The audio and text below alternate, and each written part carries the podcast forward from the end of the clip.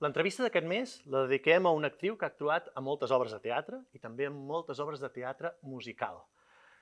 L'hem pogut veure tant a la televisió com al cinema i recentment està a l'altre costat, a la direcció i a la pedagogia. M'estic referint a la Xènia Reguant, que li agraïm que hagi acceptat el repte de fer l'entrevista del mes. No saps quina il·lusió em fa fer la teva, ser la teva entrevista del mes. A nosaltres ens fa molta il·lusió que, que, que siguis tu, i a més eh, aquí, no? Perquè estem... Mm. eh, Com, com, per què hem triat aquest lloc? Doncs estem al Centre Moral i Cultural de Poblenou, que és un lloc que té molta història per mi, no només meva, sinó familiar, perquè aquí, d'alguna manera, va començar el meu pare, eh, el seu tio, que, que és d'on ve la tradició familiar teatral a casa meva, també va actuar aquí, i per mi ha estat la meva infància i la meva adolescència, no? He sigut d'aquesta gent que ha tingut la sort de transitar no? una infància i una adolescència de la mà del teatre, que jo recomano molt, perquè és una cosa molt sana. T'ajuda Doncs- molt a viure com aquests canvis una mica abruptes, a vegades d'una manera molt, molt, molt ben acompanyada. Doncs a veure si amb aquest viatge que farem en el temps, que són les nostres entrevistes, hi ha gent que es convenç i, Vinga. i, i diu, "Me- me'n vaig a fer teatre, o, o, o deixo que facin teatre, no? Perquè recordes el descobriment del teatre? Com va descobrir el teatre, la Xènia? Clar, és que en el meu cas, jo et diria que el teatre sempre ha estat a la meva vida. O sigui, la meva mare estava embarassada de mi fent teatre, eh, se'n va anar a parir i als quatre dies ja estava fent teatre, i des de petita sempre he estat entre bambalines, esperant a les butaques, eh, fent deures als camerinos, i per mi sempre ha estat casa. És molt curiós, no?, perquè Mhm. si jo he de pensar en una llar, sempre em passa que quan, abans de fer una funció, quan estic d'actriu sobretot, sempre m'asseca l'escenari i, i, i tinc un sentiment molt potent de ah, casa meva.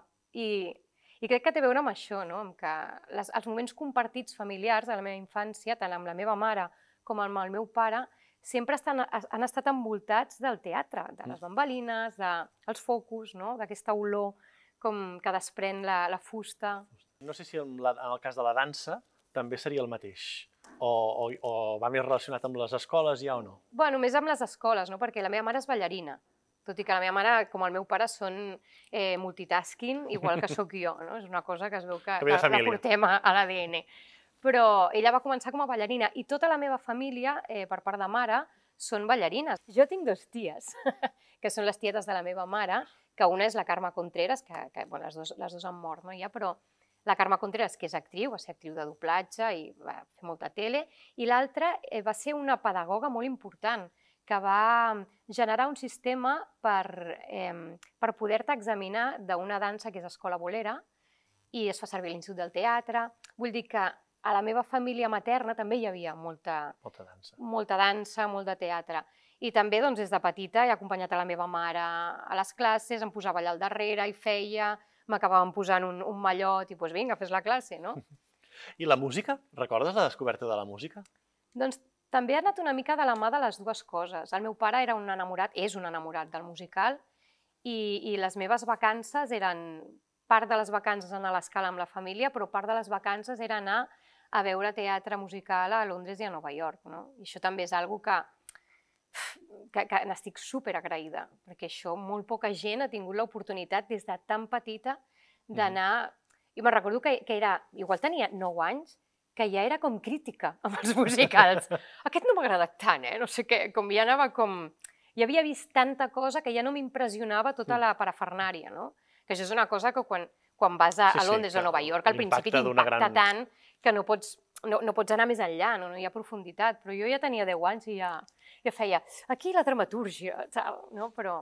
Clar, perquè ara dius, tenia 10 anys i ja havies Mm. viatjat, però de seguida vas començar a estudiar això que deies, dansa, eh, interpretació, en, no en una escola, sinó que hi havia, perquè pel moment, per la, pel país, no hi havia una Clar. escola que es dediqués a, a fer això, eh, però clar, també no sé si s'ho van veure molt a venir i ja no ho vas haver de dir, però aquell pas de dir, això deixa de ser un hobby Mm. i vull que sigui la, la meva feina, no sé com es va viure, perquè clar, a vegades, eh, depèn d'unes generacions de la nostra edat, ja comença, eh, era un trauma segons quines famílies. Sí. No sé si a casa teva per la, pel recorregut ho va ser doncs o no. mira, no va ser un trauma, però tampoc va ser tan fàcil com es, com, com es podia esperar, no? Jo me'n recordo que ja havia fet, ja treballava al teatre des de petita. Perquè passava allò, no? Necessitem una nena, doncs la Xènia. Mon pare treballava a TV3, a més, i molts cops hi havia coses de "Ah, ara necessitem una nena per fer això amb el tortell poltrona, doncs ja porto la Xènia, no? I vulguis que no, ja estava en un ambient molt professionalitzat Uh -huh. de teatre. Inclús jo me'n recordo d'haver anat al col·le maquillada. Allò de que m'havia perdut les tres primeres hores i arribava maquillada al col·le. Ah, què heu fet? No? Aquest matí, com... I per mi ja estava molt integrat que jo seria actriu. De fet, jo al col·le deia, jo seré actriu i després, quan ja tingui molta experiència d'actriu, seré directora. Era com que ho tenia molt interioritzat, que primer havia de passar per, a, per, per, el, per l'experiència d'actuar, no? Però va passar que de cop va, va, vaig, vaig dir, "Bueno, jo ja no vull estudiar més, no? perquè portava, ja treballava molt i se'm feia molt difícil eh, formar-me com a actriu, com a poder ballar, poder cantar. A més, a casa meva eren, eren molt insistents amb la formació, amb això m'ho han deixat claríssim. Mhm. T'has de formar, eh, no pots... Vull dir, no et regalarem mai res, encara que formis part no, d'aquesta família teatral. I, I se'm feia una muntanya tot, o sigui, a, a arribar a tot. I això va ser molt traumàtic, perquè també hi havia una mica l'espina de, de no haver tingut un plan B a casa meva, no? Mhm. Aquesta cosa de, però tingues un plan B. I jo vaig dir, jo acabaré els estudis, però ara no puc. I vam passar aquest petit batxe i van apostar per, per mi, per, pel que jo volia, i jo vaig respondre també, eh? vaig Mhm. acabar els meus estudis, eh? al final. És do- donar i rebre, no? En Exacte, definitiva. exacte. I, clar, les primeres feines van ser també aquestes de d'anar de bolos, de les companyies, Ah. no? Amb el, amb el va de bòlit, no? Furgoneta. Una cosa que, que curteix, no? Com a, com a actor i actriu o com a director. De... És que jo crec que és divertidíssim, o sigui, no hi ha millor manera de començar que així. És també és una cosa que recomano molt, com també em sap greu a vegades quan, quan estic amb companys o companyes que no han tingut l'oportunitat de començar així, de bolo, no? que muntes, que desmuntes, que uf, totes les coses que et passen, totes les coses que, que reconeixes i que coneixes més enllà de sortir a l'escenari Mhm. i que connectes amb això i que hi ha com aquesta cosa més de la comédie française, no? com de, que fas de tècnica, dir, I que quan tens un espectacle que, que, té, que només et pots dedicar a ser actriu, exacte. valores el paper d'un regidor, d'un Sí. d'un utiller, d'un il·luminador, etc. És que no només ho valores, sinó que et sents part de, de, de tot l'equip, no? És com tots som Exacte. un. I això és una cosa que t'ho ensenya, la furgoneta t'ho ensenya. Perquè vas a dinar, perquè... Bueno, tota l'experiència del bolo eh, a mi em sembla la millor manera de començar. I en aquells inicis hi havia també, va passar, jo sempre ho dic, eh, quan hem parlat, crec que amb el Ricard Reguant, Mm. l'Ester Bartomeu, que han passat per, per, a, per aquests espais, l'Àngels Guanyalons, no? Uh, jo crec que hi va haver un miracle a Catalunya, el 93, que va ser una sèrie musical uh, a televisió de Catalunya, en català, uh, i protagonitzada per actors catalans, Mm. Uh, i que et havien manllevat el nom, no? en aquest cas, perquè es deia I ara que Xènia, on tu també hi sorties. No, no sé com, com es va viure formar part d'allò, perquè ja dic ara, mirat en perspectiva, aquells, no sé si eren 12 capítols i al cap d'any, no? Mm -hmm. Era un miracle fer una sèrie d'aquestes característiques. Per mi va ser impressionant. A mi l'audiovisual m'agrada molt i he tingut sort que, que n'he pogut fer. Eh? M'agradaria fer-ne més perquè és, és un format que, que el trobo molt excitant. Aquesta cosa de que sempre és nou, de que tens aquelles oportunitats, m'agrada molt. O sigui, trobo molt fresc, molt viu. I, I també va ser potser el més professional no, que vaig fer com de començar. No? Vaig començar per l'audiovisual. I clar, estava rodejada d'una gent, és que no m'ho creia el Carles Sabater, el Pep Montner, és que mirés on mirés, que també era gent que havia format molt part de la meva família, perquè al final eren amics de la meva família, jo els havia tingut a casa sopant, havíem estat jugant a jocs de taula, i de cop formava part no, d'això que jo anhelava tant, d'aquesta professionalitat que ells compartien i que jo encara no. Uh -huh. I bueno, va ser un regal. També és veritat que va ser molt curiós perquè jo fins al dia era que Xènia, quan deia el meu nom, era com... Què? Sònia? No, Xènia. Com? Cèlia? No, Xènia. I a partir d'allà era que Xènia... No sé, de veritat que mai he sabut si va ser casualitat o si va tenir a veure, si la, si la sèrie va tenir alguna a veure, però de cop van sortir Xènies per tot arreu i em van facilitar molt la vida a mi, perquè ara dic Xènia i tothom ho entén com un nom normal i ja està acceptat. jo crec que va ser important també que, que materialitzéssim que podíem fer-ho, Mm. que deixéssim de- d'estar com amb aquesta mirada no, que ens, ens passa bastant a Espanya de, de, de, de no estem preparats, no, no tenim prou, no som suficients. Jo crec que ha d'haver-hi alguna de, escolta, ens hem de llançar a fer-ho amb, amb el que puguem i com puguem. Mm. I va tenir bona acollida i és una sèrie de, de, de molta qualitat per, per al moment que es va fer, a més mm. a més. Sí, sí. Que, no sé, mm. Queda dit, a veure si, si algú agafa el relleu. Vinga, home, va. I, oh, bueno, després vam fer el retaule del flautista, Exacte. no fa massa, i, i, i a mi em consta que hi ha molta gent que vol que està com intentant tirar endavant projectes audiovisuals musicals.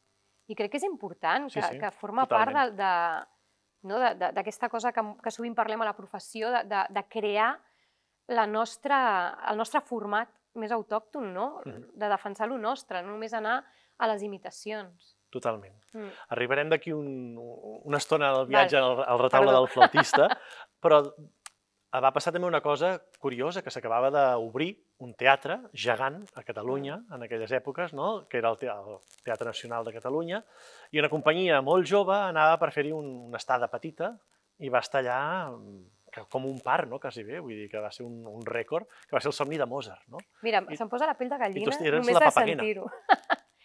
Mira, això té, té diverses anècdotes bastant curioses. Eh, el so, per curi... o sigui, la meva, la meva participació al Somni de Mozart comença en aquest escenari. Jo estava fent en aquest escenari eh, la nit de Sant Joan, amb el Joan Oliver, dirigit pel seu tiet, pel Toni Oliver, amb la Gemma Nierga, bueno, amb la gent d'aquí de del centre, casa, no? no? Sempre ens juntàvem, gent més professional, gent més amateur, però bueno, érem com els d'aquí. I van venir el Dani, la... jo crec que van venir el Dani, la Susana i la Pili a veure'm, perquè nosaltres érem amics. I res, vam sortir, tot bé, tititi.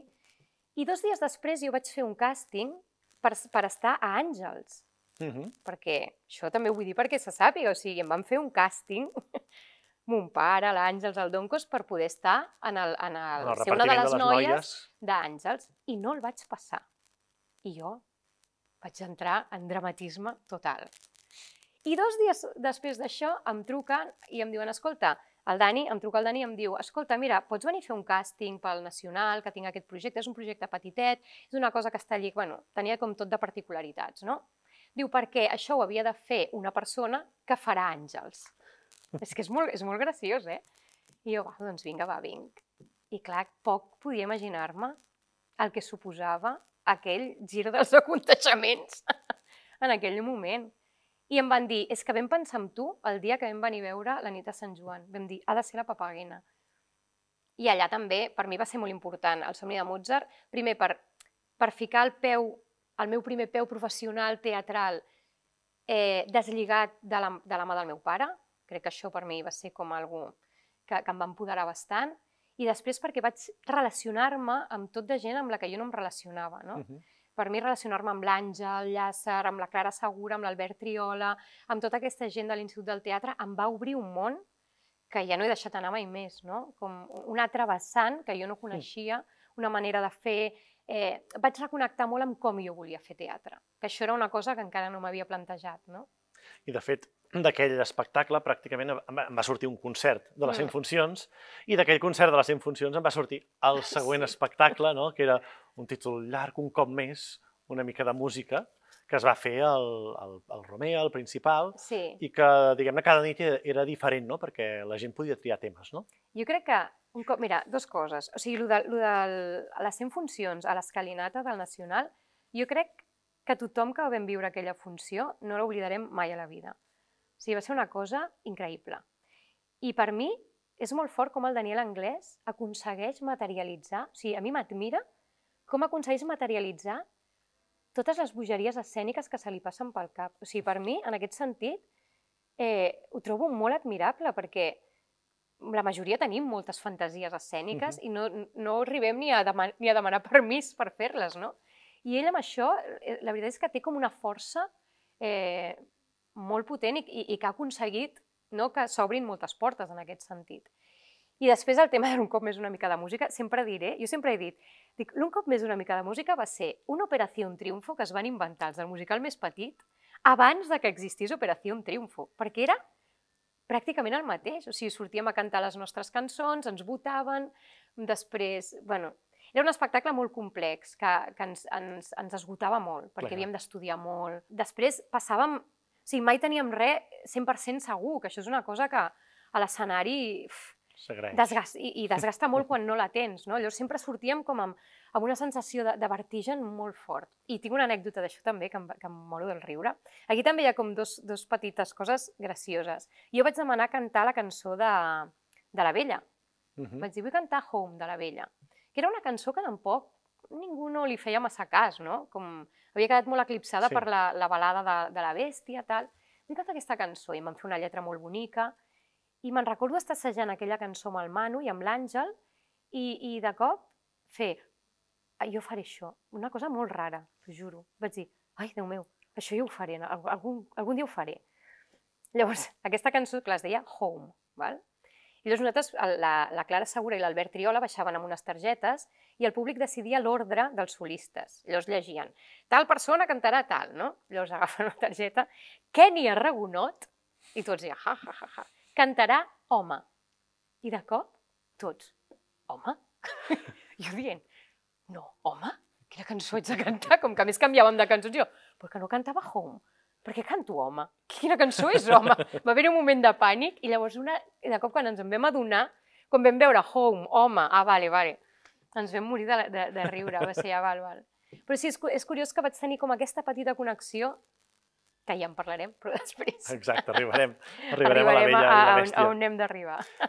Al 99 trobem un, un espectacle d'una companyia que, de bolos de Catalunya, el Dreams Teatre, Sí. que va fer La princesa i el pèsol, Mm. que la història jo crec que tothom pràcticament coneix aquesta història, però potser poca gent sap que les cançons d'aquests espectacles són d'un musical eh, Sí. de, de Broadway, no? No sé com, com ho vivíeu, això. Once Upon a Matres. Exacte. Jo vaig anar a veure Once Upon a Matres i, amb la Sarah Jessica Parker i em vaig enamorar de la Sarah Jessica Parker, de la tot, de tot. Vaig dir, ah, jo vull fer això. I llavors estàvem buscant, la... I, i curiosament, a Dreams volien fer eh, la princesa i el pèsol, perquè volíem parlar d'algun tipus de princesa, i era, i era, molt d'hora, encara no es parlava d'això, de Mhm. que les princeses no fossin... L'estereotip de princesa. Exacte, i aquesta no, la Winifred és, és gens estereotip, és tot el contrari, és com una, una princesa antiprincesa. I llavors vam fer com una petita adaptació d'això. Però el graciós d'aquest musical, que vam anar de bolos, és que el vam estrenar el Miquel Fernández i jo, Exacte. i va passar l'Àngel Llàcer, i va passar el Marc Pujol, i no recordo qui més, però l'Àngel diria que va passar més per allà, com perquè en aquell moment érem com unya i carne i teníem moltes ganes de fer coses junts. Però sí, sí, també és curiós això. I aquell mateix any, això que has dit, eh, arriba una proposta de, que acaba- que s'acaba materialitzant en que ets la vella de La vella i la bèstia, en una època que començaven, potser, diguem-ne, a, a- venir a Catalunya i a Espanya aquestes grans franquícies, Mm. per tant, ara és molt més habitual, només s'ha de veure la, la Gran Via de Madrid, que està Sí. farcit, no? de, està farcit de- de- d'espectacles d'aquest tipus, però en aquell moment això, només això ja era una, una cosa, entre Sí, cometes, sí. sense, sense gaires precedents, no? De fet, va ser la primera franquícia, no? Doncs mira, jo recordo eh, que jo estava fent... El, jo havia entrat a substituir, a, no me'n recordo qui, a l'Snoopy, que estaven Mhm. fent a l'Snoopy al Teatre Sant Pol de Madrid, i havia entrat a fer de Woodstock. I jo feia el- l'Ocellet i el Ferran González feia l'Snoopy. I ens vam fer íntims amics.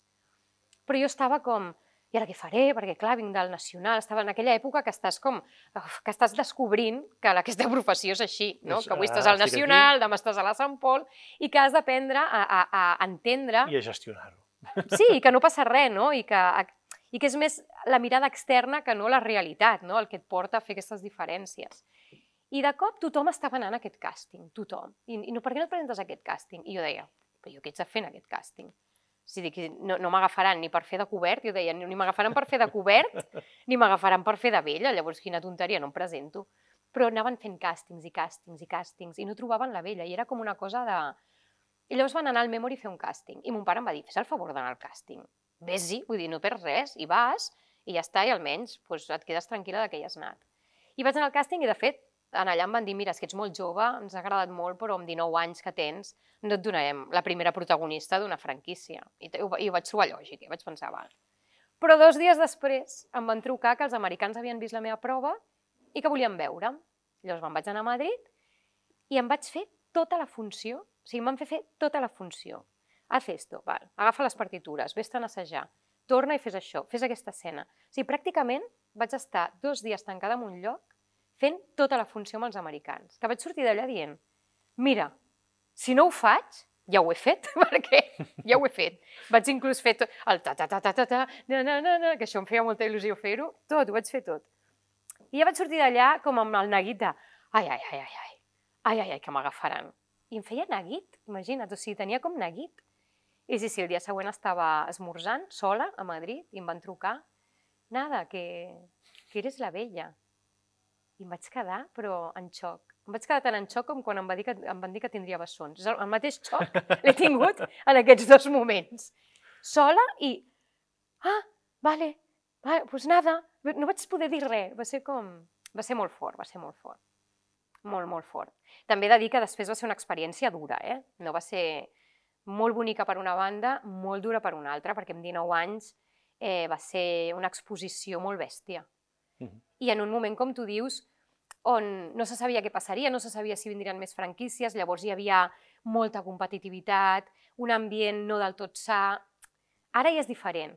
Ara tot això s'ha equilibrat molt, però en aquell moment era la jungla. O sigui, Clar. va ser bastant la jungla. Per una part, podia ser allò, he de ser allà perquè si vull continuar fent aquesta feina, jo he d'estar en aquest espectacle, i això et creu com un, sí, hi havia un clima de tensió, molta... no? I a part, també em va passar una cosa, sempre he dit que, que vaig tenir molta sort que em passés això amb 19 anys, perquè també vaig descobrir que no era tampoc la meva fita artística. Potser m'hagués passat tota la vida perseguint ser la prota d'un musical uh -huh. franquiciat, i un cop fet vaig dir, no, jo tiro per una altra banda, tiro ara ho puc fer i m'ho passo bé, eh? vull dir que no és que ho rebutgi ni molt menys, però també em, em va fer veure que volia explorar altres, altres maneres, altres formes. Uh -huh. I després de, de, de viure en el castell de, de, de Disney i ser una, una princesa Disney, no? Uh, vas anar, uh, al 2000 hi ha un espectacle, el Monjitas, ah. que vas treballar amb, amb el teu pare. Sí. Però clar, aquí potser si treballar amb el teu pare ja d'adulta, no? Sí. Um, I com, com es va viure això? Molt bé, la veritat és que el meu pare i jo treballant ens entenem molt bé. No tenim molt, moltes... Eh, ell em deixa fer molt, que és una cosa que a mi m'agrada que em deixin fer molt, eh, i ens entenem, no sé, crec que jo entenc el seu llenguatge, l'he vist assajar milions de vegades, o sigui, és, potser és el director que més conec i que més sé què vol, què necessita i què busca, no? Uh -huh. I alhora, jo crec que també, el, a vegades, no, el, el repto anar com cap a llocs que... I ell es deixa, no? També, com, eh, però anem cap aquí, siguem com valents. Sortir de la zona de confort, no? Sí, i, i ens entenem molt bé, la veritat és que treballant ens entenem molt bé. I Monjitas va ser molt divertit, també. I també va ser dur perquè vam estar al Teatre Fígaro quan encara no, no l'havien reformat i teníem un fred. I recordo com totes allà amb un fred, amb la, la Sònia Dorado i jo, totes amb uns abrics. Vinga, salimos, ens traiem l'abric. I dèiem, menos mal que hacemos un musical. és que entrem amb calor ràpid, perquè estaríem fent una obra de text així i tal, estaríem aquí mortes de fred. Però va ser divertit, va ser... Bueno, és un, és un musical que sí, no sé si el coneixes, però és curiosíssim, mm. també. Sí, sí, sí. És, una, és un format... A Barcelona va venir, crec, al Teatre Apolo. Sí, jo el vaig fer després, la mateixa producció, però és un format molt americà. Mm que aquí no, no, no està tan integrat, no? aquesta cosa més mm, com de revista... Sí, sí, és un, sí. és un musical curiós. Curiós, però, sí, Però sí. per això, uh, el, el que parlàvem off the record abans, no? Sí. De, de dir, no m'agrada el teatre musical. Quin? Exacte, sí, sí. És que hi ha molts subgèneres dins el gènere. Bueno. Ho tenim clar, nosaltres. a poc a poc, no? A poc a poc, ho aconseguirem, ja ho veuràs. El, el que sí que vas aconseguir va ser un premi a millor actriu per uh, un espectacle ACA, sí. no? Que era un cafè-teatre, no? Sí, això és perquè jo durant molt temps vaig treballar amb una cosa també molt curiosa, amb uns amics, que fèiem càstings i, i, i fèiem adaptacions de lletres per programes de televisió d'aquests que de talent show i tal. I vam estar molt temps treballant amb això. I ens van encarregar eh, que, que féssim una traducció d'una cosa meravellosa que es diu Shakespeare Review, eh, que és un musical petitó de la Royal Shakespeare, que és com una revista, com això de Monjitas que dèiem, no? I amb, aquests, amb aquestes quatre persones que vam fer això, eh, vam crear una companyia. Després això no va sortir, però ens vam entendre tant que vam voler crear alguna nosaltres. I ens van donar l'oportunitat de fer un cafè-teatre, que no havíem fet mai. I vam estar allà, allò superjoves, allò que estàs tot el dia assajant i vinga, coses amunt, coses avall. I de cop ho havíem d'estrenar i estàvem els quatre, me'n recordo que vam dir se'ns ha anat la olla, se'ns ha anat la olla, no podem fer-ho això, quina vergonya. I d'aquestes sorpreses que ho vam fer i a la gent li va entusiasmar. Era una, una espècie de crítica a Operació Triunfo, però divertida, no era gens... Vull dir, ens, ens era igual, vull dir, no, no, no estàvem en contra de... Mhm. Però posàvem una mica el foco amb, amb aquesta cosa, com que nosaltres havíem estat treballant amb els talent shows, no? amb Clar. aquesta cosa de, de, de com a través de cantar i de la figura del cantant, no? eh, la gent doncs, s'identificava d'una manera més enllà de lo artístic, no? buscava reconeixement o... i va tenir molt bona acollida. Tanta que després l'Eduardo Aldán Mm. ens ho va comprar i ho va, ho va fer en un format més gran, amb nosaltres, però en producció d'ell, que es deia Operació Teràpia. Li va canviar el nom i era un espectacle molt clown, molt clown. I allà feia un personatge que era d'aquests personatges que si l'hagués fet a la televisió potser seria com la niña de rec o alguna així. Era un, un, un, un personatge d'aquests recurrents que tenia, tenia el seu èxit, mira. I em van donar un I premi donar el premi. per fer el tonto. I dic, si m'han donat el premi per fer el tonto. Tants anys de formació. Tants anys de formació. S'ha de saber fer bé, sí. també. Bueno, exacte. sí, sí. I també hi ha, hi ha un muntatge que és uh, Don Juan Te Odio, Sí, que està dirigit per l'Àngel Llàzer, no? que era Sí. aquest matrimoni dels papaguenos que havíem parlat, no? que va néixer allà al somni de Mozart. No? sí. També va ser molt casual, eh? L'Àngel sempre que, que venia... Jo vivia a Madrid i l'Àngel sempre que venia a Madrid doncs estàvem junts moltes hores, no? I va coincidir que jo estava muntant això també amb aquesta companyia. I estàvem molt cansats de dirigir-nos a nosaltres, perquè això, qualsevol companyia, qualsevol persona que hagi tingut una companyia Mhm. sap que es necessita un director perquè acabes eh, molt esgotat de gestionar dintre, fora i tot, és impossible. I l'Àngel, que és així, va dir, oh, doncs jo t'ho dirigeixo. I jo vaig dir, home, quin honor, no? I sí, sí, ens ho va dirigir ell, ens ho vam passar molt bé. I vam, o sigui, hi va posar moltíssimes hores. Jo sempre penso, o sigui, quin, quina passió té l'Àngel. Jo no sé si la gent és conscient de la passió tan gran que té l'Àngel, no? O sigui, la gent que potser només coneix aquesta faceta de l'Àngel més pública, no sé si és conscient de la passió tan increïble que té l'Àngel a nivell escènic. Mm. Perquè això que va fer amb nosaltres, ja et dic jo, que va ser absolutament passional. També és veritat que nosaltres teníem molt sentit de l'humor, li fèiem molt cas amb tot, li entràvem, o sigui, enteníem molt bé el seu llenguatge i era molt divertit no? per, per tots com fer aquestes bogeries que jo sóc fanàtica de, de l'Àngel. I una altra persona que, que anirem trobant és el, el Víctor Conde, Sí, No? uh, com també el Ferran, que ja, que ja Ah. dit abans, no? Uh, vas fer el 2003 uh, La muerte, una obra de, de Woody Allen que hi havia uh, amb l'Exigax, no? sí. I que hi havia cançons del Kurbel, Irving Berlin, no? És a dir, que... Era una mica allò de que no era un musical, eh? també t'ho dic. Era com que no era un musical, però, però cantàvem. I jo, com, jo com ho era la diuen, que algun, cantava. una obra de teatre amb cançons Sí, o una, una obra de teatre tirant a musical. Aquesta és Exacte. nova. però jo era com l'únic element eh, que cantava. Per mi la muerte... Jo amb el, amb el Víctor eh, ha, ha sigut com el meu germà. O sigui, el Víctor i jo eh, hem, hem anat de viatge milions de vegades junts, familiars. O sigui, jo anava amb el meu pare i el Víctor Mhm. de viatge sempre. O sigui, és com un germà. És com, bueno... I allà vaig coincidir amb el Ramon Molins i amb la Marta Ballarri, que ja els coneixia molt també, però no havíem treballat mai junts. I jo, de la muerte, el que et puc dir és, per favor, vull tornar a treballar amb la Marta Ballarri i el Ramon Molins, perquè o sigui, em semblen dues persones. El Ramon Molins, per mi, no té el reconeixement que hauria de tenir. O sigui, em sembla un director meravellós, un company increïble i i un actor còmic, sobretot amb una vis còmica subtil. bueno, jo vaig, vaig quedar molt enamorada d'ells dos en aquell muntatge. Va ser molt gratificant eh, estar a l'escenari amb ells. A l'escenari fora, eh? va ser com una festa tota l'estona. És, és, és bonic quan s'ajunta, Sí. hi ha aquesta comunió entre fora i a dintre, no? que es, Sí, sí. allò que es crea companyia. No? Exacte. I que, família, no? que es Sí. crea com petita Sí, sí, una família. família. Mm. El 2004 trobem un gran muntatge dirigit eh, pel teu pare, Mm. que diguem-ne que s'ha fet una, un altre, aquest títol ha tornat, no? al Teatre Tívoli, que és Cantando bajo la lluvia, eh, es va fer a Barcelona, a davant, em sembla, el Teatre Novedades, A Barcelona, el Novedades. I a Madrid, al, al mateix lloc on l'han fet, a l'Apolo, al mateix lloc. que el Novedades és un teatre que ja no existeix Ja. a Barcelona, per si el busquen, que en sàpiguen que és un No. teatre d'aquests que Barcelona perd, Sí. però que ja plovia a sobre l'escenari. I i estem tant. parlant del, del 2004. També et podria explicar tantes anècdotes que no acabaríem mai. Doncs Cantando bajo la lluvia va ser molt bonic perquè jo era de petita, havia vist Cantando bajo la lluvia milions de vegades. És una de les meves pel·lícules favorites, crec que de molta gent, perquè em sembla que és una, una pel·lícula Uh -huh. de culte, o sigui, tot el que parla, com està estructurada la música, Jen Kelly, o sigui, és que tot és, és Sí, com, sí. com de llacet, no? I a més té la seva profunditat, és, un, és una pel·lícula que, que té molt de sentit de l'humor, però és, és molt bonic del que parla, no? I molt de la professió. I Debbie Reynolds per mi era...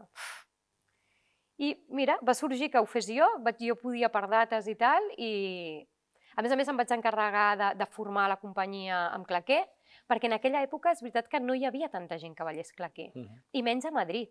Jo a Madrid vaig treballar molts anys, molt, vaig guanyar, durant, em guanyava la vida molts anys donant classes de claquer, perquè ha vingut, va va arribar més tard el boom del claquer Sí. a, a Madrid. I la veritat és que saber ballar claquer a mi m'ha obert moltíssimes portes.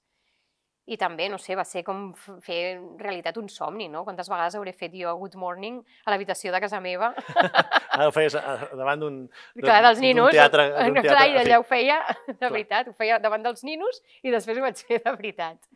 Però sí, el que passa que jo a, a Barcelona ja no vaig poder anar, vaig estrenar, però tenia una pel·lícula i me'n vaig haver d'anar a fer la pel·lícula i em va substituir la Belén González, que també ens hem anat substituint la una a l'altra molts cops. I què tal l'aigua, el 2004? Ai, ai, ai. Mira, quan vam estrenar el Novedades, no sé què va passar, que relliscàvem, relliscàvem tant que ens havíem d'anar agafant els mobles. No sé, com, no sé què passava, però recordo aquella estrena, el, el Novedades, de plorar de riure, d'anar-nos agafant els uns als altres perquè et quedaves quiet i anaves lliscant. Zzz. Lo de l'aigua sempre ha sigut un problema. Eh, Vull dir, no sé aquest, aquest cop, eh? crec que menys, ha sigut menys problemàtic. Però clar, en aquella època, imagina't, Sí. era, era com... no hi havia tecnologia, Sí, no sí. hi havia res, no hi havia ni WhatsApp. I nosaltres fèiem ploure en un Mm. escenari. Exacte. I després m'ha fet molta il·lusió veure la Diana Roig, que és una persona que admiro i estimo molt. Va ser com... Em va agradar molt veure la seva Cathy Sheldon, va ser com, ai, que bé, veure-la amb ella, no? Fent, fent aquest personatge que jo havia fet. I ara has dit que havies fet a la teva habitació centenars de vegades, no?, el, davant dels ninots o el, el Cantando bajo la lluvia, que és un estereotip, podríem dir, de, del teatre musical, Mm. no? O, o aquelles imatges iconogràfiques que, que, que la gent pot tenir del teatre musical.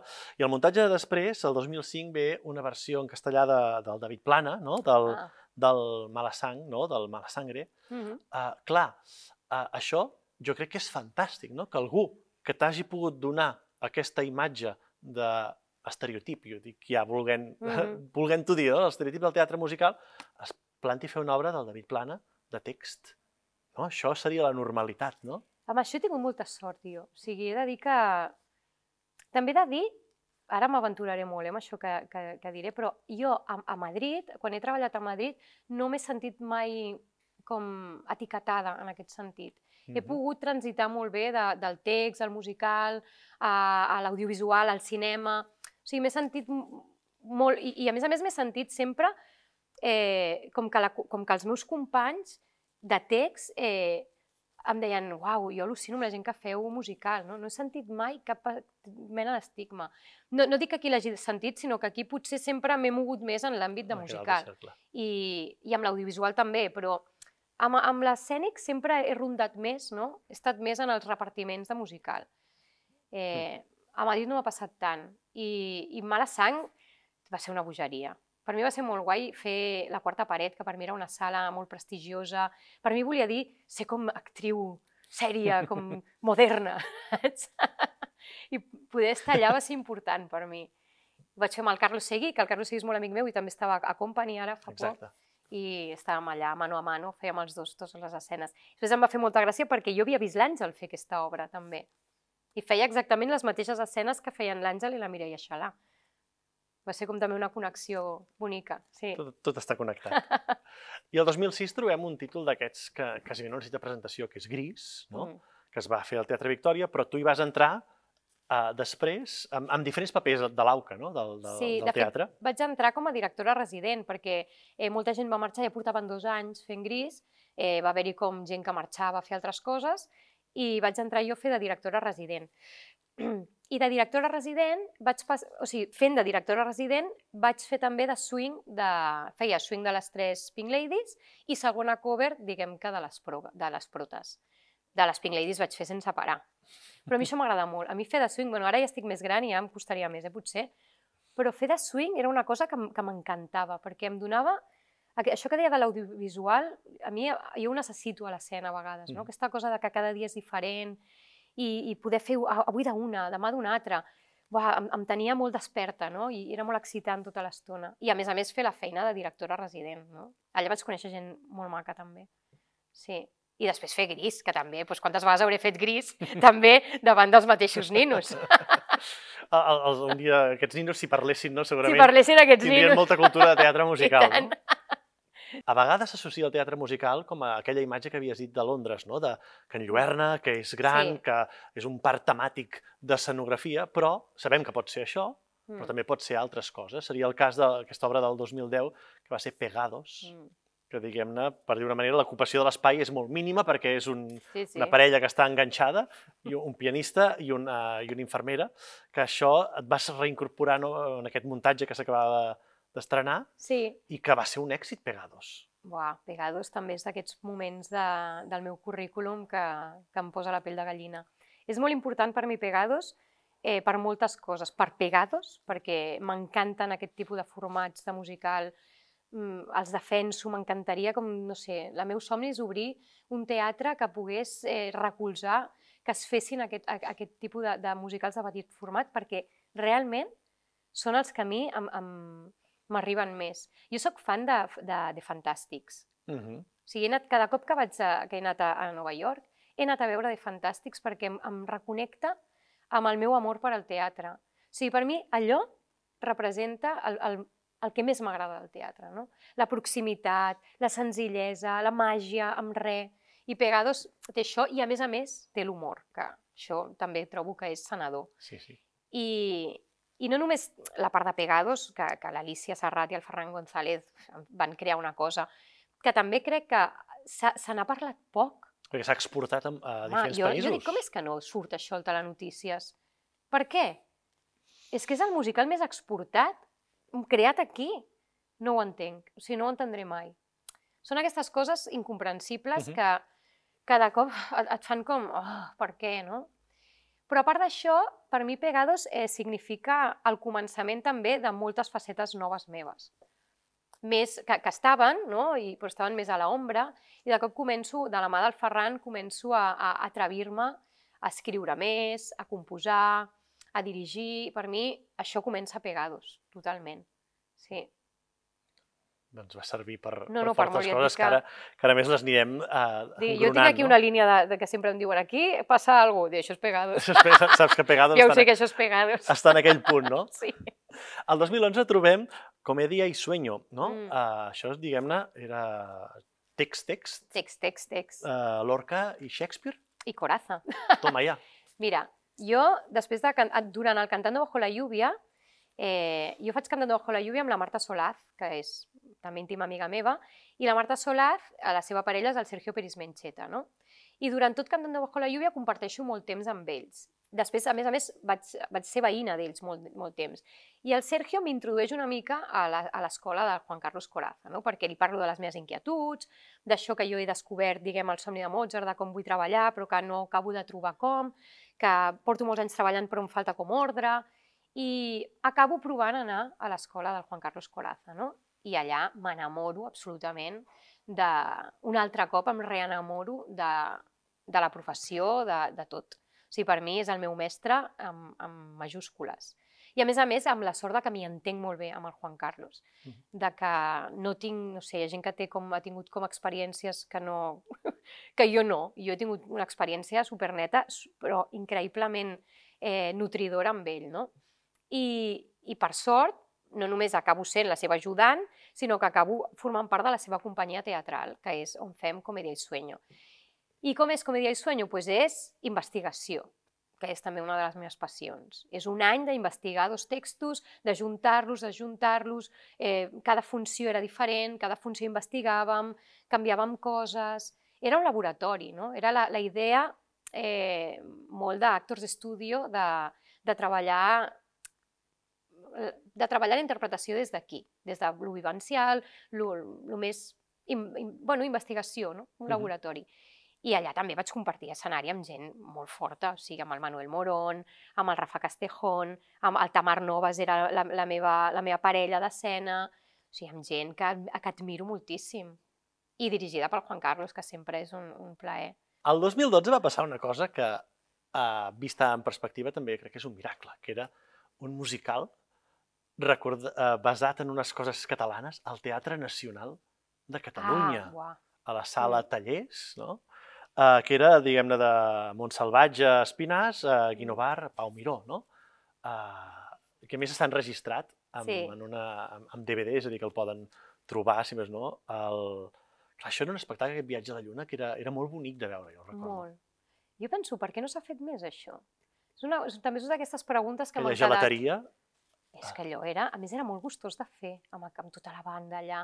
Jo he de dir que per mi va ser un repte una mica, amb, amb una mica de, de vertigen, eh, també, perquè era una partitura que no, que no era per la... No és que no fos per la meva veu, jo sempre he sigut molt... molt bueno, sempre em fa molta por dir que, que sóc cantant. Jo sóc actriu i, i sobretot, sobretot m'he for, format com a actriu.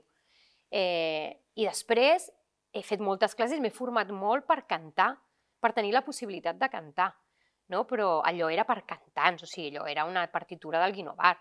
I jo estava tota l'estona amb, amb una sensació d'intrusisme, però he de dir que, que ho vaig fer amb l'Ivan Lavanda, que amb l'Ivan Lavanda també ens vam conèixer quan teníem 10 anys, perquè feia, era de, de la coral del, del Memory, del Nou Memory.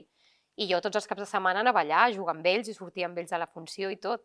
I ens coneixíem molt, érem molt amics, l'Ivan i jo. Llavors, compartir aquell moment amb l'Ivan va ser molt bonic perquè em va recolzar molt, em va ajudar molt. Ho vaig poder disfrutar, la veritat. Però és que era molt bonic aquell espectacle. Jo penso, de veritat, penso, Mm. quina Sí, pena sí. que coses així es facin un mes siguin un bolet. No? Sí, perquè a més a més venia molta gent, a tothom li agradava molt. Com... Me'n recordo que va venir el Manu, el Manu Guix a veure'n, i, i ens va dir, però això, això, quina preciositat, estava... Eh, dic, ja, doncs mira, ho fem un mes i, i, i mai més. I ja està. Podria haver sigut uns pastorets del, del, Sí, del Nacional perfectament. una cosa que torna cíclicament. Exacte, No? perquè ja està muntat, la producció ja està feta, pots anar canviant els actors perquè realment, vull dir, eh, el pes el portava la, la banda, nosaltres érem com... Sí, sí, uns conductors de la Sí. història, no? per dir una manera. Sí, sí, Sí, sí, queda dit. queda dit. I després trobem El Apagón, Sí. no? Això també és Sí, a una l'Apagón experiència. jo sempre havia volgut fer un vodevil, perquè havia vist molts vodevils. Una de les meves il·lusions era fer pel davant i pel darrere i no ho he aconseguit mai. Com, per què ha mai puc ha quedat, fer? Ha quedat dit. A Ha si quedat torna. dit! Vull fer pel davant i pel darrere. Sí, també sempre m'ha fet molta il·lusió. Amb un Pau, el No et pastegis per sopar m'encantava. Mhm. I llavors, l'apagón és un vodevil, no? I jo feia un personatge difícil en el sentit de que entra al final de la funció. Llavors recordo que entrava com en un tren en marxa. Amb el regidor ens, ens reiem molt perquè jo feia com... Era com realment entrar amb un tren que portava una hora a, pa, pa, com amb un ritme. Amb aquells ritmes de... Exacte, i jo portava una hora fent abdominals, llegint, no sé què, a vegades baixava com un ratoll a veure'ls per empapar-me. I un cop entraves ja no sorties fins al final, a més, és com que t'engollia. I ho vaig fer poquet, eh? la veritat que vaig fer com dos, dos mesos per substituir una amiga meva, la Thais Coria, que se n'havia anat a, a Londres, i m'ho vaig passar bé, m'ho vaig passar molt bé. A mi m'agrada també fer com un format que, que és com més lleuger, com la lleugeresa l'agraeixo molt. Sí, sí. M'agrada molt la profunditat, però la lleugeresa la trobo molt Els profunda. contrastos acaben sent Sí. bons, no? També. Sí, sí.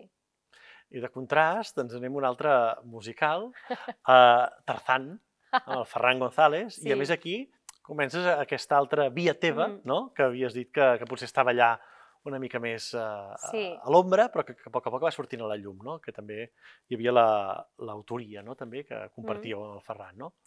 Doncs ho vam escriure, ho vam composar, o sigui, el Ferran i jo tenim una manera de treballar que sempre diem això s'ha de mantenir en secret perquè és inverosímil com treballem. Però, però és la nostra manera de treballar, és, és increïble. O sigui, ell i jo podem estar hores junts fent uns brainstormings increïbles, però no treballar gens, gens, i llavors separar-nos i treballar com unes bèsties. I ens entenem perfectament. O sigui, ens entenem a vegades amb, amb e-mails que riem, que dic, però com t'has pogut, com has pogut entendre el que t'estava dient? O a vegades amb, amb notes de veu, que dic, un dia hem de fer una cançó publicant només amb les notes de veu que ens hem fet, perquè, no, però això ha de ser més... ta- ta- tu- tu- tu". No, no, no. Tatatiruti no, ha de ser xumpapap, saps? No, xumpap, és que ens diem unes coses que, que fem riure. Però després, eh, no sé, és la nostra manera, és la nostra manera. Bueno, i que va donant, I- i... que va donant fruits. Sí, després jo trastejo una mica el piano, però ell, diguem que s'ocupa més del, del, del pes melòdic, jo m'ocupo més del pes estructural, de les lletres, i d'alguna manera junts decidim eh, la sonoritat de la cançó, no? Que això també és una cosa que es Mhm. desconeix, com sembla que, que la música només sigui fer música. No, no, o sigui, fer una cançó que, que ha d'estar dintre d'una dramatúrgia requereix de moltes altres coses, no? Sí, de, sí, de, no només de que sigui bonica. de vista, exacte. I, i, i, hem, i vam començar amb Tarzan i, bueno, n'hem fet moltíssims més després. I el 14 trobem Mierda d'artista, Mm. no? amb també l'Alicia Serrat, Sí, una altra que va apareixent també, eh, clar, per aquí, clar, és de la família. La família. Què tal, com el recordes? Pf, mira d'artista, és que jo tot, tot el que fa el Ferran eh, m'ho passo molt bé fent-ho. O sigui, també és un format, té una manera d'escriure que me la sento molt meva. Més fàcil en el sentit de que m'hi trobo, em flueix molt Mhm. bé. Llavors, tota... a més tenia unes escenes amb la Gemma Martínez, que la adoro, que eren, o sigui, eren de gràcies Ferran. Teníem una escena que li dèiem el gran slalom, perquè era, creuàvem l'escenari així, en diagonal, amb un text que jo no sé com ens el vam aprendre, però era impossible. Perquè ens repartíem coses... ¿Quién? Este no, el otro, però ¿quién? Però, era, però el fèiem tal qual. I llavors ens agafàvem i dèiem, vinga, el gran slalom. I el fèiem. I després, a més a més, vaig poder-ho fer amb la Marta Tomassa, això. Les dues embarassades, que també és una gran amiga meva. O sigui, és, un, és un espectacle que em va aportar compartir escenari amb gent que m'estimo molt. Mm. I també penso, també és d'aquestes coses que penso, quina pena que no... no- Pf, Que no acabés. Sí, que no crec que no va tenir el temps com perquè es fes el suflé, una mica. Mhm. No? Va ser com bim-pam-pum, Déu. Sempre ens van programar horaris impossibles. No va, no, Mierda d'artista no va tenir la, les condicions que necessitava, jo crec. Sí, això a vegades Ahí passa. lo dejo, Això- també. Això a vegades passa, sempre jutgem, i a vegades amb encert, les cançons no eren bones, la dramatúrgia estava mal feta, el llibret, no sé, que això a vegades passa, Mm, però a vegades hi ha altres factors totalment. que no són pròpiament els que estan a sobre l'escenari, però afecten totalment els que... eh, És que són els que molt són. importants. Saber eh, quines hores has de fer, a quin format, Aquí en teatre. a quin teatre, quant temps necessita segons quin espectacle per, per, per veure si la cosa funciona o no. Això empresarialment la gent ho té claríssim. Sí, sí. Quan treu un producte. No esperen que un producte en una setmana...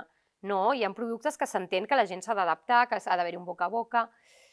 I Mierda d'artista doncs, no va tenir, crec, aquests condicionants que, que Sí, sí, que necessitava. necessitava. Mm. Un espectacle que no sé si els va tenir, però que s'ha convertit, no m'atreviria potser un referent, però sí que un, una, una cosa que, que coneix pràcticament tothom i que amb un carinyo especial, que és lo tuyo i lo mío. Mm. També un bombó. Per mi lo tuyo y lo mío és també un, és un bombonet. Mm -hmm. La Karen, el, el Joan Maria... I que encara té vida, perquè de tant en tant fan sí, uns bolos sí, i i surt. jo encara faig bolos. Ara, cada cop que faig un bolo m'he de tornar a estudiar tot. Clar, Sempre penso són- que no em truquin per fer un bolo perquè em moro de ganes de fer-lo i dic que sí perquè em ve de gust fer-lo. Però després penso, ai, ara m'ho haig de tornar a estudiar tot. Eh, jo crec que la Karen, el Didac, el, el Noli i el Joan Maria van fer una cosa molt bonica, molt especial i, i, i que es podria fer tota la vida. Sí, sí, jo crec que Sempre funciona. està destinat a, a, Sí. a que vagi reapareixent. No? Sí. També la Karen i jo també tenim una història d'anar-nos substituint la una a l'altra i, i li agraeixo molt que, que pensés en mi per fer aquest espectacle. A més, jo acabava de tenir els nens i estava en aquesta fase que tenim les dones actrius quan som mares de «Ai, Déu meu, ara què passarà?», no? I em va ajudar molt a tenir una continuïtat, no? Com a fer-me aquest trànsit molt, molt agradable. I a més amb aquest muntatge tan bonic, no? Mhm. I un altre muntatge que, que es anava fent periòdicament eren uns uh, sopars espectacles, Ah, sí. Que això crec que um, ho havíem parlat en aquest espai de l'entrevista del mes amb el Toni Vinyals, Sí, i en guardava un molt bon record d'aquests, uh, sí, jo crec que de tots. tota la gent que, que estàveu Mm. allà, no? vam fer una família eh, d'aquestes famílies que queden. O sigui, d'aquests xats, no? jo sempre dic, ara Sí. ja no són famílies, ja són xats. xats de grup que sempre estan actius. Ens, eh, vam, vam, vam haver de lluitar a la nostra manera, però molt, molt units. Clar, és que era un format que, que, que és un format molt curiós també, no? el del dinner show, que has d'estar tota l'estona parlant i negociant amb gent que no és artista. I, i, i, i jo, per exemple, clar, jo ho dirigia. Ho dirigia i ho produïa, o sigui, la meva productora portava això. Clar, i jo estava com en una posició que, que, em vaig que ja vaig dir, jo això no ho faig, si no ho faig, amb una companyia que jo sàpiga que serà una companyia 100% fiable i, i així, no com, com casolana en el bon sentit. Uh -huh. de, de, i, I mira, he de dir que ho vaig aconseguir. Si vaig, vam fer una companyia que si ho diem sense parar, i per favor, fem un altre dinner show. I a més era un format que en principi tots vam fer una mica perquè no teníem feina, no? allò de ens ha caigut això, vinga, doncs anem a fer-ho. I després es va convertir en alguna la Caral també hi era, no? Uh -huh. Es va convertir en, en una cosa que, que haguéssim fet tota la vida, ho dèiem, eh? Ai, si això pogués ser tota la vida, no? I te'n vas, fas un muntatge, tornes, et substitueix no sé qui, tal... I sí, sí, vam començar tots molt reticents no? i vam acabar enamorats de, del format i de, i de la gent. Sí, sí, trencar, allò que dèiem, abans dèiem del teatre musical, trencar, trencar. els tabús i els prejudicis és benvingut sempre. No? I després també tenia aquest, aquest, aquesta cosa que cada dos parters havíem de muntar una cosa nova, i clar, era, era una sensació una de companyia. Exacte. Que això és una cosa que tampoc tenim i que tots anhelem molt, no? La sensació familiar de tenir una companyia. Una companyia.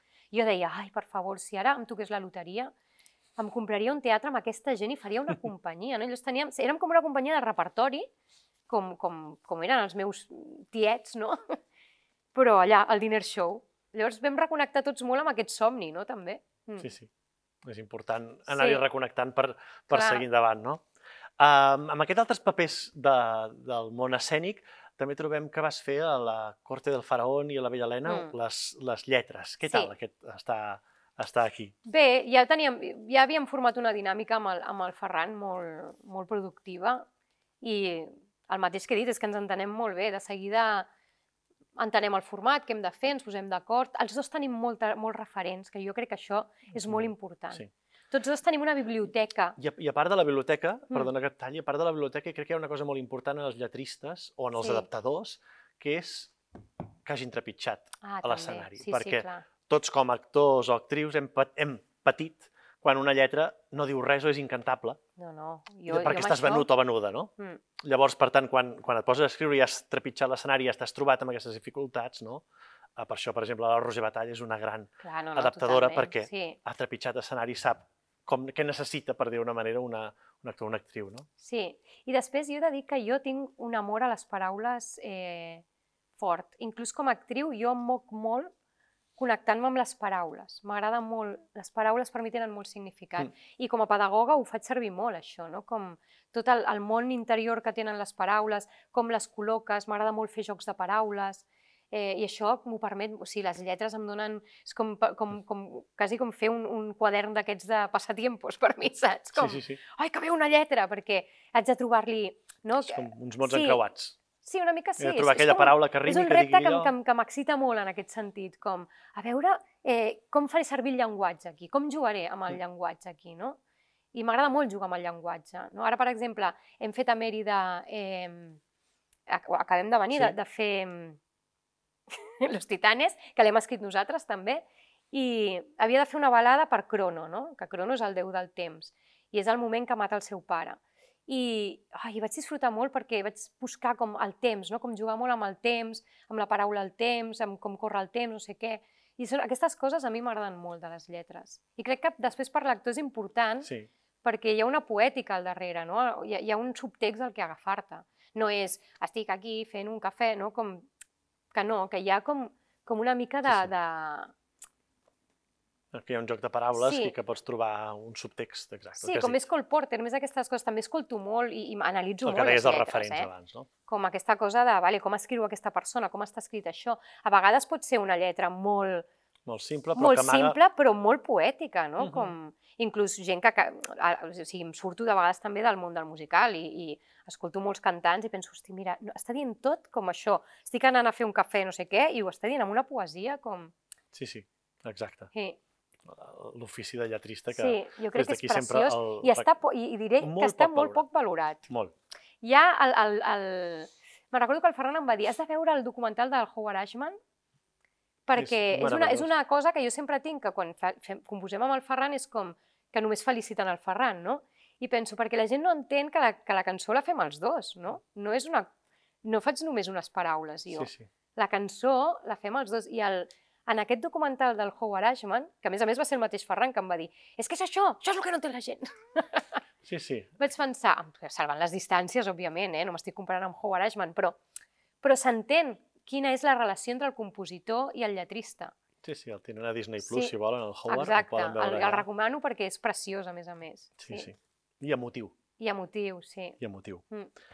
El 2019 trobem una coautoria també amb la música que es va poder veure al Teatre Lliure, a la sala Mm. Fabià Puigcerver, el Lehman Trilogy. sí.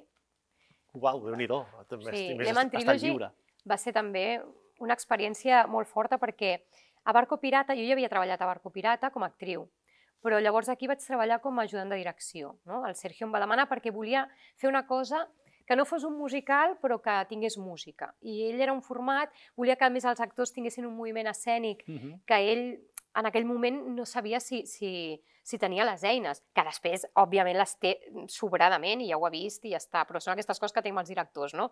Ajuda-me, no? I, I per mi va ser, uah, eh, no sé si ho veu veure, Trilogy, Mm. però era molt bèstia, eren tres hores amb aquella gent fent aquella cosa tan...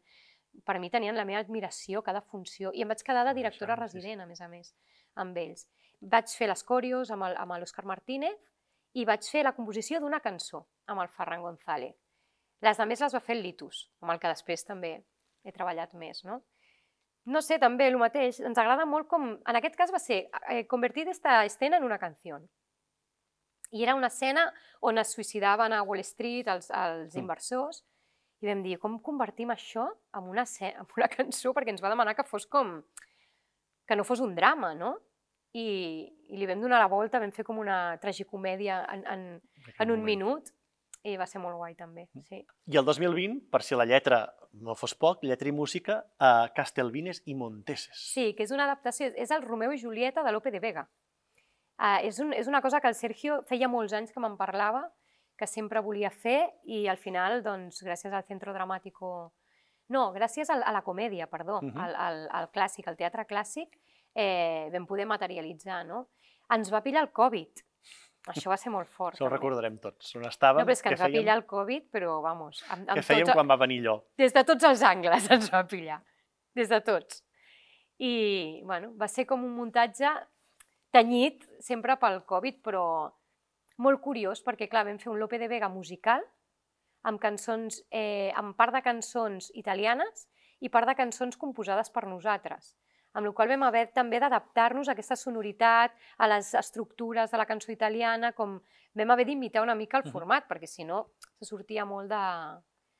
I vam fer molts arranjaments, que jo era una cosa que no havia fet encara, no? com agafar... Hi havia el Joan Miquel Pérez també amb nosaltres, i entre els tres vam fer arranjaments molt bojos. També va ser molt divertit com poder agafar una cançó, no sé, que, qual idea, no? per exemple.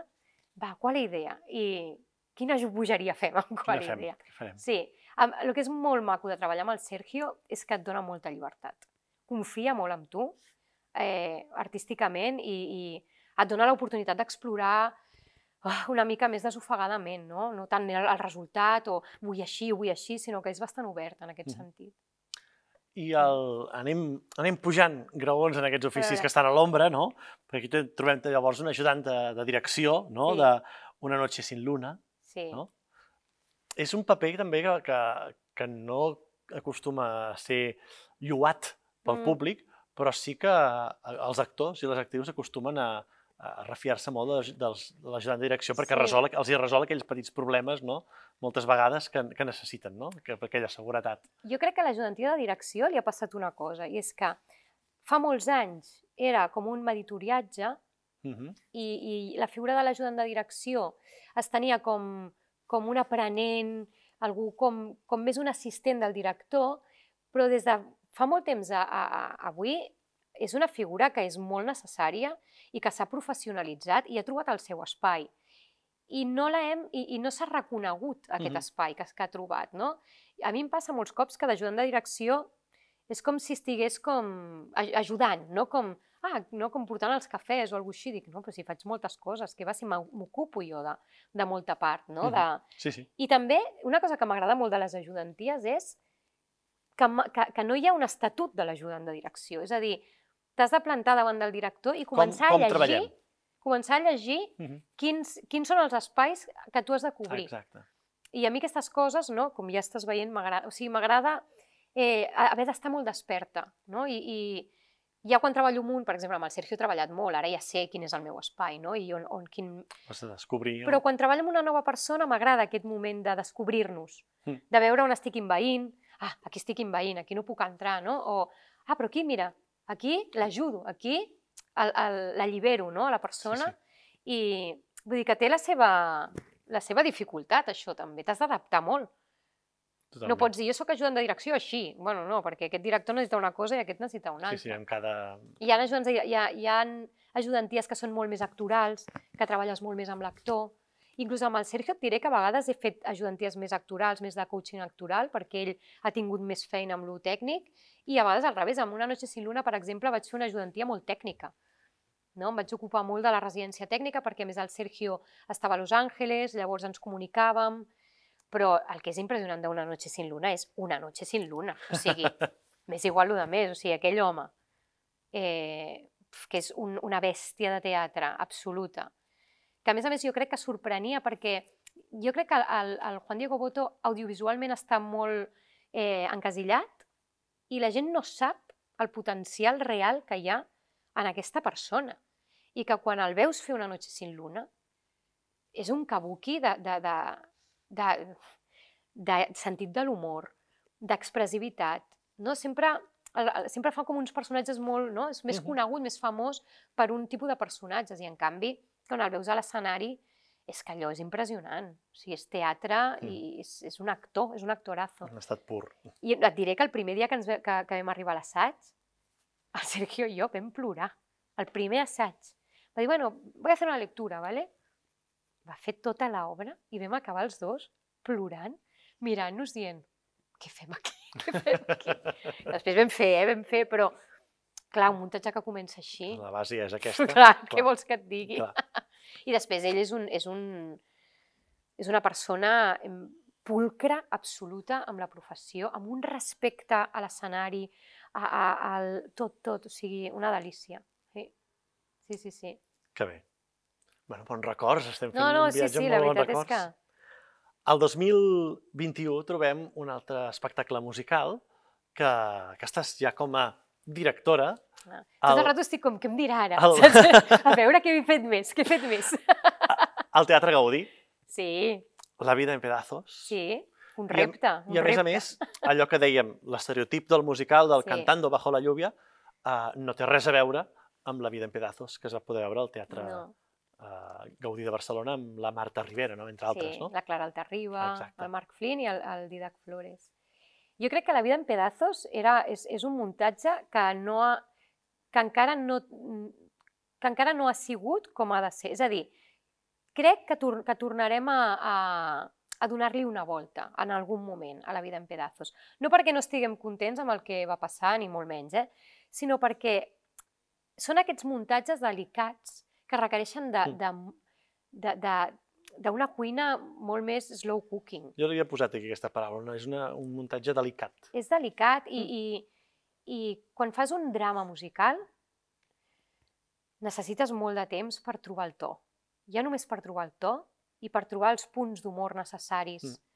Eh, tot això és un treball de slow cooking i aquest slow cooking no és possible perquè no hi ha el suport econòmic per fer-lo. Llavors ens, ens trobem eh, portant endavant projectes delicats que podrien ser molt bons projectes, eh, ràpid, corrents i d'una manera que no és com, com, com, com es poden assumir, no? Què vaig fer jo a La vida en pedazos? Per mi va ser molt, molt bonic de La vida en pedazos aquest, aquesta feina de trobar-li el llenguatge escènic. Com... Va ser un repte per mi això. Com explico això? O sigui, era una pregunta que em vaig estar com madurant molt dintre meu. Com ho explico? Inclús et diré que, que l'espai escènic el vaig, el vaig formular jo. Perquè per mi era molt, molt important portar-ho més a l'Argentina que a l'americana. Pensava això, Mhm. perquè, perquè no sigui molt impactant ni molt abrupte i, i puguem entrar, ha de ser més cinematogràfic, ha de ser més argentí, més brut, més... Vull dir, estem parlant de la brutícia, llavors no pot estar pulcre, no? com altres muntatges més Broadway que són tan pulcres.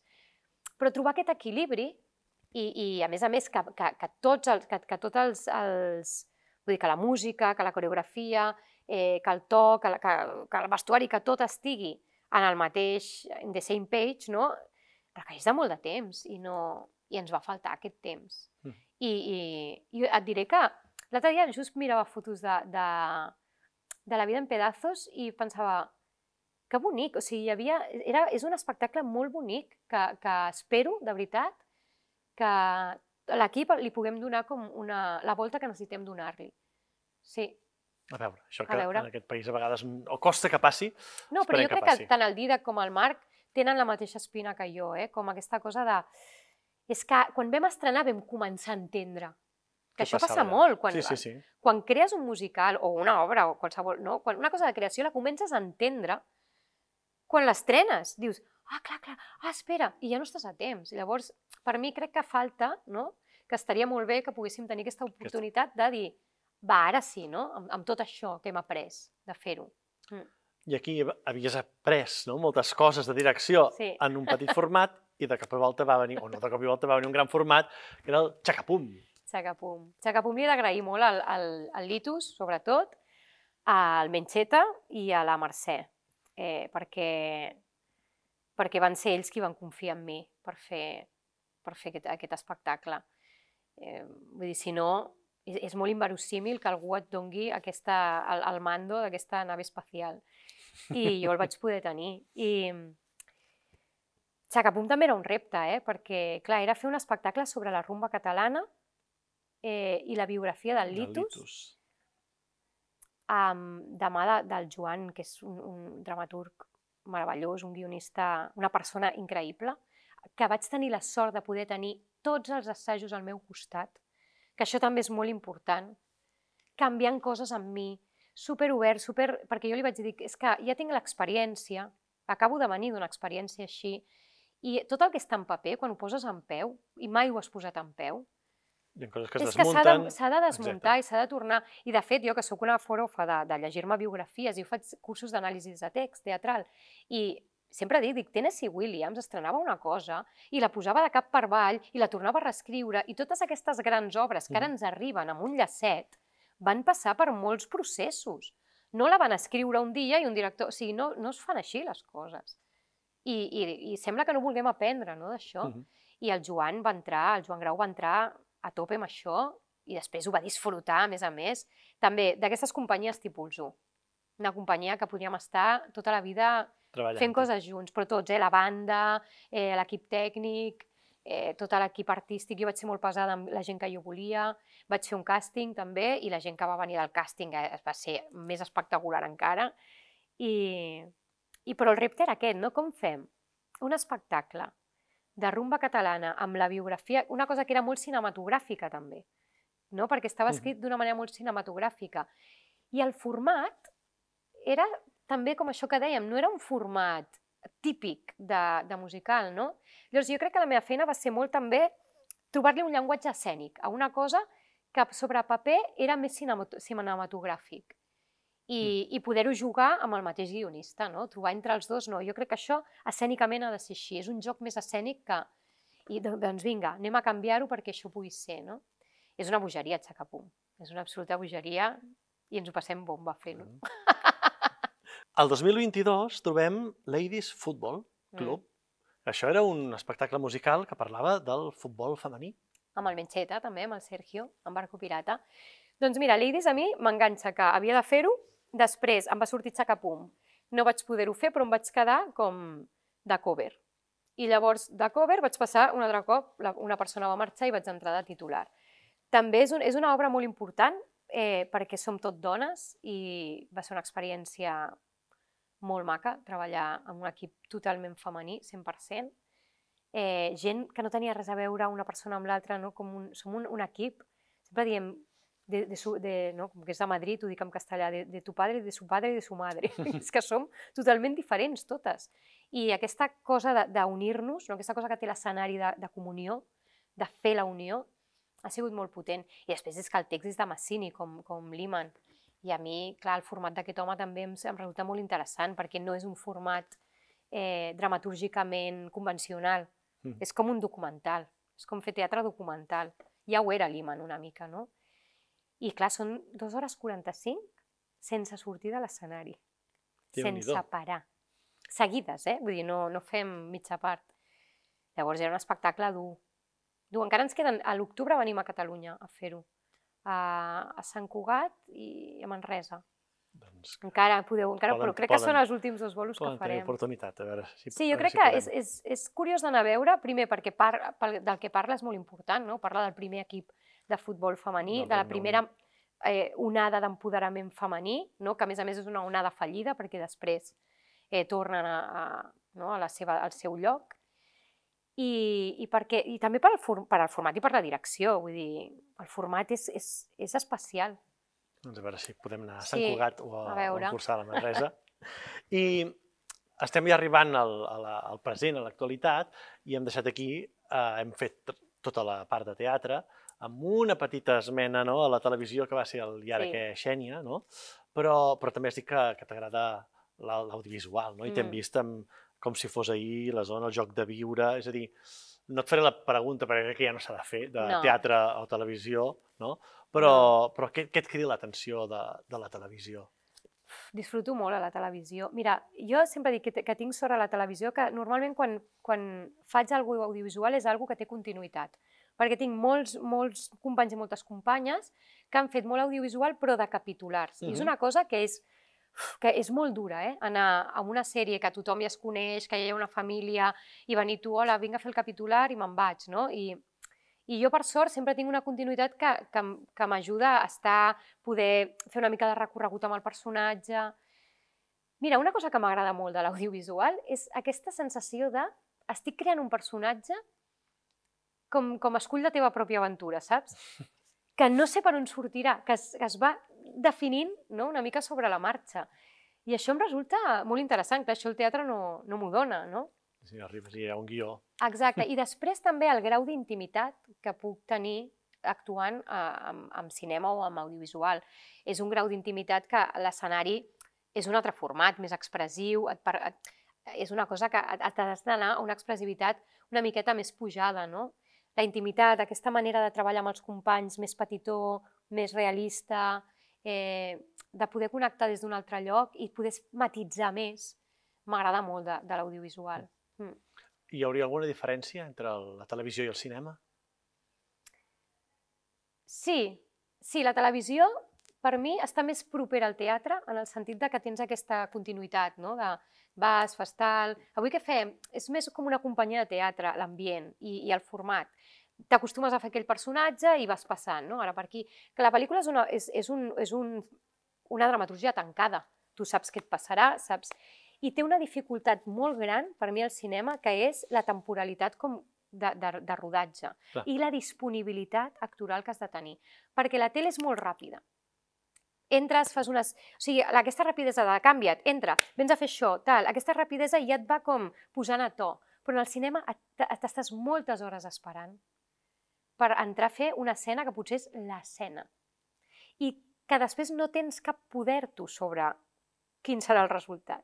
Vull dir, més enllà de que tu et quedis content del que has fet, quan vas a veure la pel·lícula sempre dius, Com ho hauran muntat? com ho hauré fet? Perquè, clar, eh, clar hi, ha tot un, hi, ha, hi ha tot un món que entra, eh, Mhm. que dona context a, a, al que, a lo poc que tu pots controlar. I això també em sembla com un treball d'equip molt, molt excitant, com, ui, Mm. a veure, no? Com jo estic fent una part, però no recau tot el... Tot el no? Amb el teatre hi ha una sensació de l'actor com que tot està recaient sobre tu, no? la Mhm. responsabilitat la tens tu. Amb cinema, no tant, no tant. Dius, jo, estic, jo faig això, aquesta és la meva peça del puzzle, no? però ara a veure, la, encaixada amb altres les altres peces, amb la música que em posaràs, amb, amb, el, el, no sé, amb, amb el plano que decidiràs, Mhm. tal, A veure què queda. quedarà una interpretació o una altra. No? Llavors, aquesta sensació de no tenir control sobre el que estic fent també em sembla interessant. Sí. I del cinema, per fer un color al final, no? més tor tornem a, a casa, perquè ho feies també amb l'Ivan La Banda, que Sí. havies fet ja eh, altres coses, amb, la, amb el teu pare, el Ricard Reguant, el retaule de flautista. Això és una cosa en el seu moment jo li vaig dir... Amb el Joan Oliver, al Joan que també Oliver, és de la casa. D'aquí de la casa, no? que li vaig dir al, al Ricard Reguant, dient, clar, això és una pel·lícula musical catalana i Mm. d'una obra mítica d'una època molt concreta, però que potser, malauradament, no passa mai, no passarà mai de moda, perquè la humanitat, la corrupció, eh, Mira, està a l'ordre del dia, no? És que el problema és aquest. Sempre dic, jo, la, ara treballava a Troianes amb, amb un grup. És que aquests textos són universals. Dic, no, és que el problema és que nosaltres no canviem. O sigui, no és que el text s'adapti, és que som nosaltres que estem en el mateix lloc. I és una mica el mateix, no? El Mhm. retaule, Sí, sí. Sigui, amb tot el que ha passat. O sigui, no? la pandèmia, amb tot. Jo, L'època Em venia del el Covid retaule. era el retaule, es pensava, ningú el va produir ara? És que és molt fort. és que estem, és, un, és que ens movem en cercles, no? És com... Jo he estudiat humanitats i és una cosa que em fascina també, aquesta, Mhm. aquesta manera que tenim com de, de pensar que estem...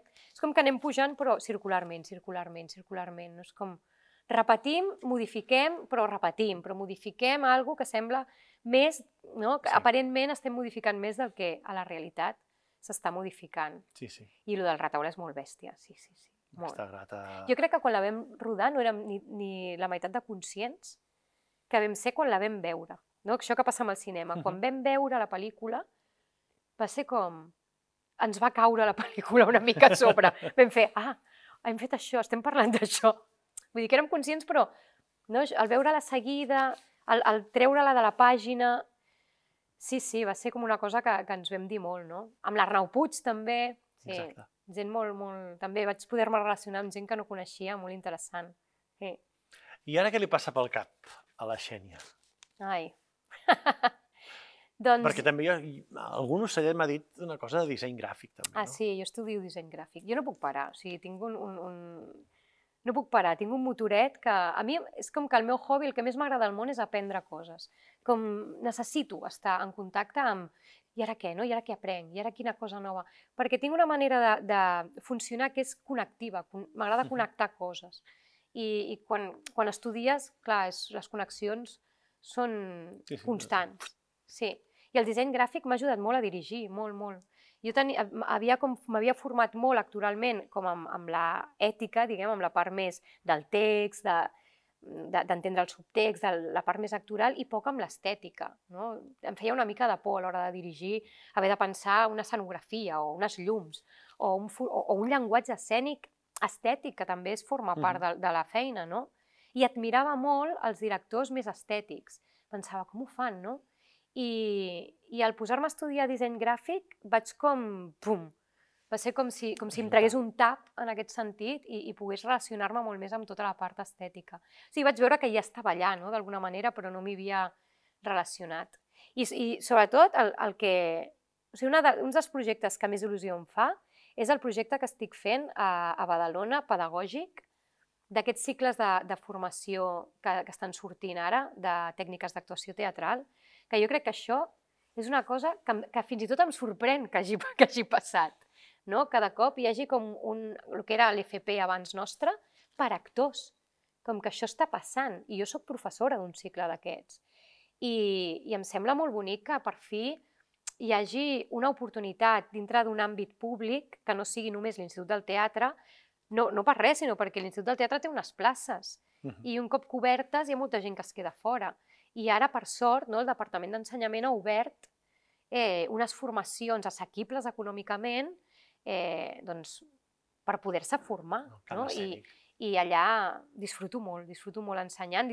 Em dóna molt l'oportunitat de seguir-me formant jo com a directora, perquè, clar, dirigeixo muntatges, provo, faig bogeries amb ells, i, i la veritat és que estic amb l'Ester Luengo, amb la Berta Errando, o sigui, som un equip, i és un projecte que no només em dona estabilitat, que també a la nostra professió, estabilitat econòmica, és algo És costós. que fas, oh, gràcies, sinó que a més a més com a projecte m'agrada molt, molt, el disfruto molt. I seguir dirigint i actuant. Tinc un projecte ara, que no el puc dir encara, però ja suposo que d'aquí poc ho, podrà, ho podré dir, al febrer, d'actriu, que també m'ha fet molta il·lusió. Com, ah, mira, tornar a Barcelona a actuar, com ara fa temps que no trepitjo escenari a a Barcelona com a actriu, de text, a més a més. I res, projectes de direcció, coses amb el Ferran, coses amb Barco Pirata... Doncs estarem pendents. I aquest, aquesta incertidumbre de la nostra Sí, professió. sí, sí. Que, per un... que motiva i desmotiva a la vegada, no? Però és, Sí, és però això, al final estem, en, equilibri. estem enganxats a aquest, no? Potser Sí, som, sí. som uns animals poc rutinaris, no? Sí, sí. Perquè Som així. Som Ho vam triar. Ho vam triar. I sempre acabem el, aquest viatge en el temps amb una bateria de preguntes ràpides, que no vol dir que siguin ràpides de contestar. Val. Quin va ser el primer musical que vas veure o que recordes? Anything goes. Bon començament, no? Anything goes. Vaig flipar. O sigui, o sigui, ho recordaré sempre. Anything goes per mi sempre estarà en el meu record com el dia que vaig entendre la magnitud d'un musical. Si t'haguessis de quedar amb una cançó de teatre musical, Aquesta és difícil, però jo crec que em quedaria... Em quedaria... Una cançó que sempre m'ha acompanyat. No és una cançó molt profunda, és més aviat com frívola, però és una cançó que sempre he cantat a càstings, m'ha portat molt bona sort. La cantava a, a, un, cop, a un cop més una mica de música fent una, una cosa escènica amb el Manu que era molt divertida, és Sooner or Later. Mm -hmm. I és una cançó que li tinc molt de carinyo. Sempre m'agrada molt cantar-la. Eh, trobo que és una cançó molt senzilla, com poc... No sé, no, no ha tingut molt de ressò, però és una cançó suggerent, bonica. Em quedaria amb Sooner or Later. Mira, et podria dir una de Cole Porter i tal, no però està no. mal, és la que li va donar l'Oscar al Sondheim, Doncs no? mira, Sooner or Later. Un autor Un autor teatral, teatral, de teatre musical, de Churchill. música, de... segur. que sí. Shakespeare o Carol Churchill? Perfecte. Un record que t'hagi donat al teatre que no es pugui esborrar. Jo crec que tota aquesta infància entre cametes. Quan vaig estrenar Xagapum al Tívoli, que al Tívoli hi havia estat molts cops entre cametes, uf, per mi va ser molt emocionant, com em veia de petita allà, com aquesta sensació de, no? Eh, com aquest format, no? de, de veure només un trosset de- I, d'escenari I lateral. i anar-te movent com si fos una càmera. Per mi és el record escènic. I per última, què és allò que per tu només té el teatre musical? una capacitat de, de reconnexió amb, amb, amb un món emocional eh, que jo només aconsegueixo amb el teatre musical. O sigui, aquest posar-te la pell de gallina, aquest eh, no, sentar-te allà i començar a sentir la, la banda... És que és com un ritual, no? Mhm. Sents la banda, com comença a tocar, o quan vas al cinema, no?